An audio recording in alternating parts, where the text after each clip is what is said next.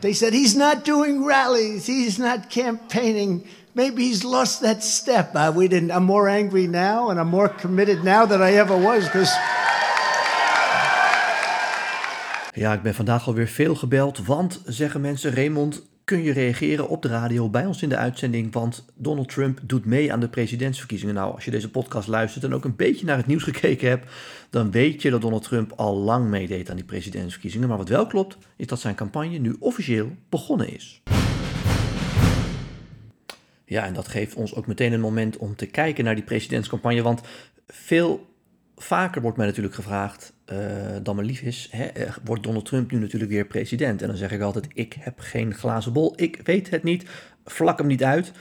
Uh, allemaal natuurlijk antwoorden die uh, ik elke dag bijna geef, omdat ik ook niet anders kan en omdat het ook gewoon waar is. Maar we kunnen op zijn minst het moment even nemen om te kijken hoe staat die campagne er nu voor. Want één ding is wel duidelijk, uh, ook als je kijkt naar de bijeenkomsten die Trump dit weekend heeft gegeven, dan zie je dat het allemaal een beetje matjes overkomt. de energie is weg, zeker de energie die we natuurlijk zagen in die campagne in 2015, 2016, toen die van die gouden roltrap afkwam. En er is eigenlijk maar één manier om die energie weer een beetje terug te krijgen. En dat is als er ook republikeinse tegenstanders komen. En dan wordt het ook interessant, want wat ik er ook vaak bij zeg, als mensen zeggen: kan Trump nog een keer president worden? Dan zeg ik: er is eigenlijk maar één organisatie, er is eigenlijk maar één soort mensen die Trump echt kan stoppen. En met Trump kan afrekenen als je dat zou willen. En dat is de Republikeinse Partij zelf. Die moeten ervoor kiezen om dan wel met het Trumpisme door te gaan. Want uh, in mijn analyse is die Republikeinse Partij wel de Trump-partij geworden. Maar dan met een andere Trump-kandidaat. Uh, en dus is de vraag: loopt er een andere kandidaat rond, een andere Trump-kandidaat die kan zeggen: Ik ben Trump, maar zonder alle bagage. En nou, die bagage is veelzijdig, zoals jullie weten. En de andere mogelijkheid is natuurlijk dat er een Republikein komt die zegt: We nemen afscheid van het Trumpisme. En we gaan terug naar die oude conservatieve waarden die we bijvoorbeeld hadden onder George W. Bush. Dat kan ook. Zie ik niet gebeuren, maar dat kan ook.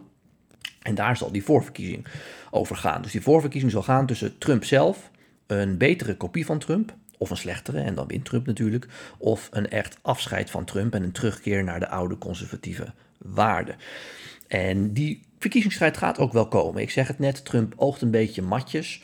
Uh, je kunt zeggen zijn momentum is voorbij, dat weten we niet, maar zo ziet het er wel uit. Um, en dat opent natuurlijk de deuren voor nou ja, een hele uh, uh, nieuwe, frisse kandidaat. Die zich ook echt wel gaat melden. Alleen wat je merkt nu momenteel is dat dat hele verkiezingsveld een beetje is bevroren. En dat is zo omdat, daarvoor moeten we teruggaan naar de start van de campagne van Trump in november vorig jaar al. Uh, dat komt vanwege de dynamiek waarin we in zitten. Waarom is Trump, daar hebben we het eerder over gehad, zijn campagne zo vroeg begonnen? Nou, twee redenen. De eerste is dat hij denkt dat met al die rechtszaken die hij aan zijn broek heeft, hè, en bijvoorbeeld ook de rechtszaak omtrent 6 januari, die is er nog niet, maar mogelijk wordt hij daarvoor vervolgd. Hij denkt dat hij sterker staat als presidentskandidaat dan als simpelweg een oud-president in rust. Ik denk dat die analyse klopt, dus daarom moest hij ook snel kandidaat worden omdat het politiek gevoelig ligt om een kandidaat aan te pakken. En de tweede reden dat hij heel snel die campagne heeft gelanceerd is omdat hij ook wel ziet, wat ik net ook zeg, dat er heel veel andere kandidaten rondlopen die eventueel hem van de troon willen stoten en die wil hij de pas afsnijden. Nou, en die dynamiek is belangrijk voor nu om mee te nemen, want omdat hij dat toen gedaan heeft, omdat hij dus al drie maanden geleden zijn campagne is begonnen, zie je dat hij daarmee dat hele republikeinse verkiezingsveld een beetje heeft bevroren. Omdat die strategie gewoon werkt. Waarom oogt die campagne van Trump een beetje matjes? Omdat er niet echt een tegenkandidaat is. Ja, er is Joe Biden, maar die heeft zichzelf nog niet eens officieel gekandideerd voor 2024. Met andere woorden, Trump is heel erg zielig en alleen in die campagne. Uh, dat is niet zozeer Trump persoonlijk uh, aan te rekenen. Dat, dat, zou voor mij als kandidaat ook gelden. Je kan pas echt shinen natuurlijk als je een tegenstander hebt om aan te vallen, om je van te onderscheiden. Dus het is logisch dat Trump op zich met deze situatie weinig kan. Maar hij wil deze situatie wel creëren, want hij wil niet dat mensen hem potentieel van de troon stoten. Maar uiteindelijk heeft ook hij het nodig dat er echt een verkiezingsstrijd uh, ontstaat. Want ja, ze gaan hem niet kronen tot Republike Republikeins presidentskandidaat. Althans, dat kan als niemand zich meldt, maar dat gaat niet gebeuren. Dus je hebt toch tegenkandidaten nodig. Maar doordat Trump dus zijn kandidatuur zo snel bekend heeft gemaakt, heeft hij dat Republikeinse verkiezingsveld bevroren. Want als Trump één ding kan, dan is het wel een tegenstander keihard aanpakken en door de mangel halen. En ja, als jij nu een republikeins uh, presidentskandidaat in wording bent, met andere woorden, je denkt daarover na, Ja, als jij dan als eerste zegt, ik doe mee, dan weet je dat al die kanonskogels van Trump, al die agressie van Trump, en Trump is natuurlijk ook binnenkort weer welkom op Twitter, Facebook en Instagram, dat al die kanonskogels jouw kant op komen. En niemand heeft eigenlijk zin om zich door Trump te laten verscheuren. Niemand wil als eerste gaan. Uh, en daarom uh, ligt die campagne een beetje stil. Want vergeet niet, over precies een jaar of een klein jaartje zelfs, beginnen de voorverkiezingen al in Iowa en New Hampshire. Dus dan gaan uh, gaan de Republikeinen een presidentskandidaat kiezen. Ja, als jij daaraan mee wilt doen, dan moet je ook ongeveer nu al met je campagne beginnen natuurlijk. Om een organisatie te bouwen, geld op te, in te zamelen, door je gezicht te laten zien in Iowa, in New Hampshire, je naamsbekendheid te vergroten. Dus um, die kandidaten die zich mogelijk gaan melden, die zijn daar nu ook al mee bezig.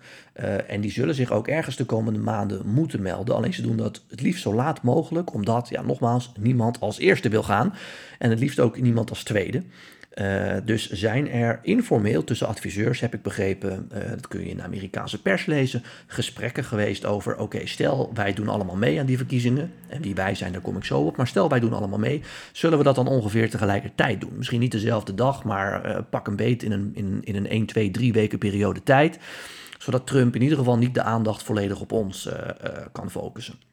Er ligt overigens ook een gevaar in als je heel veel van die kandidaten hebt. Want die zullen onderling redelijk snel uit moeten maken. Doe ik dit voor mijn eigen ego, wat vaak natuurlijk zo is, of wil ik echt dat Trump um, exit he, de Republikeinse Partij uitgaat? Want als ze dat laatste willen, dan zullen ze ook redelijk snel moeten beslissen wie van hun de belangrijkste kandidaat is. En de andere kandidaten moeten dan het veld ruimen. Want ook, en dat vergeten mensen vaak, maar ook in de verkiezing uh, van 2016, die voorverkiezing, die nog voor de presidentsverkiezingen zat ja, toen was ook een meerderheid van de Republikeinen tegen Trump. Uh, toen wilden uh, heel veel kiezers Trump niet als kandidaat. Maar waarom wist hij te winnen? Omdat er in totaal 16 kandidaten meededen. en hij by far de bekendste en meest populairste was. Dus als er nu 5, 6, 7, misschien wel 10 Republikeinen zometeen aan die verkiezingen mee gaan doen. en die willen allemaal maar één ding: Trump stoppen.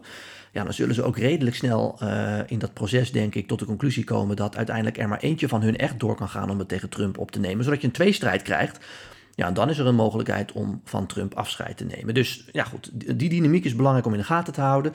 Uh, en dan om dat even af te maken, dat rijtje, wie uh, gaan er dan sowieso meedoen aan die verkiezingen? Nou, uh, ongetwijfeld heel veel kandidaten, maar een aantal mensen daarvan weten we het eigenlijk zeker. Mike Pence, de oud-running mate van Trump, die gaat natuurlijk ook zeggen: Ik ben Trump. Maar dan uh, was ik iemand die tegen die actie op 6 januari was. Dat heb ik ook bewezen. Uh, en verder heb ik dus hetzelfde beleid uitgevoerd als hem. ik heb eerder gezegd: Mike Pence is in overleg met God, zegt hij momenteel zelf, om te kijken of hij aan die verkiezingen mee gaat doen. Nou, God gaat echt niet tegen hem zeggen: Doe het niet. Dus die gaat meedoen. die heeft ook onlangs bekendgemaakt dat hij binnenkort met een bekendmaking komt. Nou, ik denk dus dat hij die even voor zich uitschuift. Maar hij komt dus met een campagne.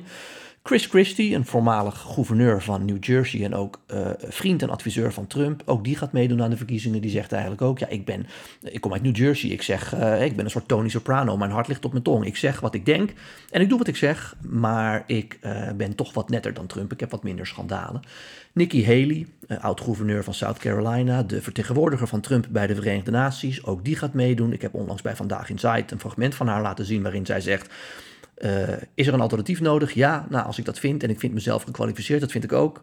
Ja, dan moet je op een gegeven moment mee gaan doen, maar ik denk daar nog over na. Nou, dat is dus met zoveel woorden, ik doe mee.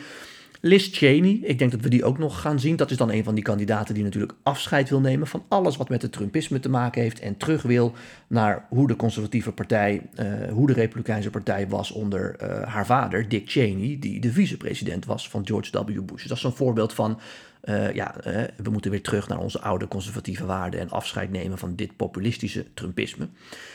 En dan is er natuurlijk Ron DeSantis. Uh, daar wordt heel veel over gesproken. snap ik ook, want Trump by far het populairst binnen de Republikeinse Partij. Nu 50 tot 60 procent van de Republikeinen zegt ik wil weer met Trump door. Maar zo'n 30 procent zegt nou ik vind DeSantis ook wel interessant, afhankelijk van naar welke peiling je kijkt.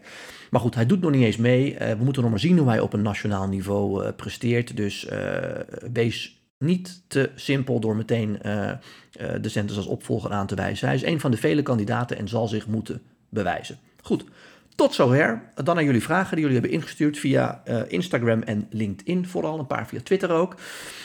Sil die vraagt. Hoe kijken de Amerikanen naar het geld dat allemaal naar Oekraïne gaat? Worden ze daar niet zat van? Ja, Sil, dat hangt er vanaf aan welke. ik zal even de andere vragen er ook bij pakken. Dan heb ik ze op een rijtje liggen. Uh, Sil, dat hangt er vanaf aan welke Amerikanen je dat natuurlijk vraagt. Uh, binnen de Republikeinse Partij hoor je veel meer kritische geluiden. Uh, maar Mark Rutte zei het onlangs nog toen hij in Amerika was en bij Biden in het Oval Office is geweest. Uh, ook Kevin McCarthy, uh, de leider van de Republikeinen in het Huis van Afgevaardigden, is een redelijke man uh, en die steunt de oorlog in Oekra Oekraïne ook volledig. alleen hoor je bij de Republikeinen iets meer als bij de Democraten, maar Joe Biden zegt dat achter de schermen ook. Natuurlijk wel geluiden dat Europa veel meer moet leveren, maar dat past in een lange traditie van Amerikanen die klagen en terecht naar mijn ogen, of in mijn ogen, dat de Europeanen niet genoeg betalen. dan vraagt uh, Tobias, uh, what about Steve Bannon? Gaat die man nog terugkomen nu Trump kandidaat is?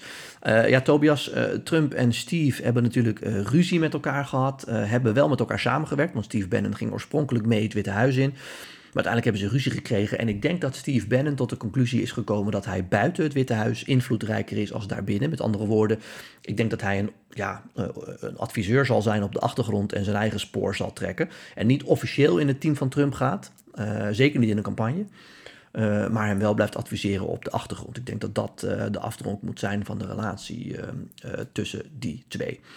Dan vraagt Albert, eh, hoe groot is de kans dat de Verenigde Staten troepen gaan sturen naar Oekraïne dan? Uh, zien we gelijkenissen met Vietnam? Ja, Albert, uh, ik denk dat die kans niet heel groot is. Um, de strategie is echt wel helder vanaf dag één. je ziet het nu ook met die tanks die worden gestuurd en ook met een bezoek van de topman van de CIA onlangs, die tegen Oekraïne heeft gezegd, vertrouw ons nou, wees nou, wees nou open in alles wat je van plan bent, want onze intelligence is zo goed. Laten we echt op het hoogste, hoogste niveau alles met elkaar delen, zodat wij jullie van de laatste adviezen uh, kunnen voorzien. Nou, als je dat weet, plus je ziet nu hoeveel nieuwe materialen er worden gestuurd, je ziet al hoeveel geld er in totaal is overgemaakt, meer dan 100 miljard ja, dan um, denk ik dat de strategie duidelijk is. Oekraïne vecht tegen Rusland, maar natuurlijk zwaar gesubsidieerd en gesteund op allerlei fronten door de NAVO. En ik denk ook dat dat wel zo blijft. Er is maar één manier, denk ik, waarop dat zou kunnen veranderen. En dat is als echt Rusland een nucleaire optie gebruikt. Maar zelfs dan is heel duidelijk gemaakt. Uh, generaal Petraeus uh, legde dat onlangs nog uit op de Amerikaanse televisie.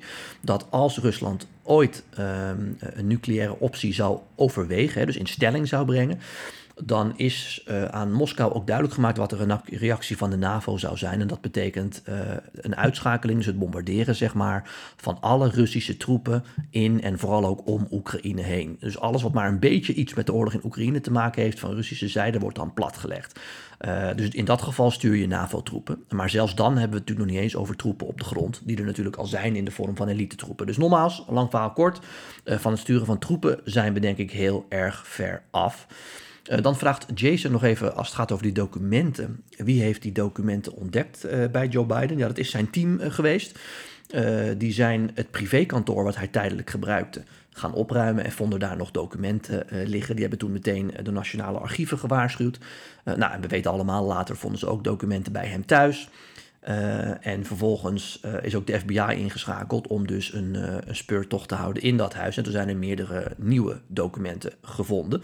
Inmiddels natuurlijk ook bij Mike Pence documenten gevonden. En wat ik in de vorige podcast al zei, uh, zegt de Amerikaanse overheid nu ook. Namelijk, we moeten breder gaan kijken naar hoe we met die uh, geheime geclassificeerde documenten omgaan. Want ja, het was in het verleden Trump, het is uh, Biden nu, Pence nu. Um, maar ook Hillary Clinton is hiermee in de problemen gekomen. Er is ook aan Bill Clinton en Barack Obama en George W. Bush gevraagd om nog even goed alle kastjes na te speuren. Dus um, ik denk dat dit de tijd rijpt maakt om ja, breder te kijken naar hoe gaan we met al die documenten om. Goed, dan vraagt Cornel nog uh, Kamala Harris, de nieuwe President of the United States of America. Ja, uh, Cornel, ik heb het vaker gezegd, ik denk het niet. Ik denk dat zij maar één mogelijkheid heeft om president te worden. Dat heb ik ook laatst bij Vandaag in Zuid gezegd. Als Biden opnieuw president wordt en een hartaanval krijgt, dan wordt ze automatisch president. Ik denk op eigen kracht wordt dat heel erg moeilijk. Ja, en dan tot slot van meerdere mensen vragen gehad over mijn theatervoorstelling, waar die allemaal is. Ja, voorlopig kun je alleen naar Dalfsen, naar de Theater de Stoomfabriek. Uh, er zijn denk ik nog tickets. Ik weet eerlijk gezegd niet hoe het met de ticketverkoop staat, maar die zijn vorige week in de verkoop gegaan. Dus er zullen nog tickets zijn. Dus woon je in de buurt van uh, Overijssel, dan, uh, ja, dan kun je mij daar zien. En dan vertel ik alles over nou, wat ik ook in mijn boeken heb beschreven, maar dan met beeld uh, erbij. En leuke anekdotes uit Amerika, van mijn reizen daar, uit de politiek.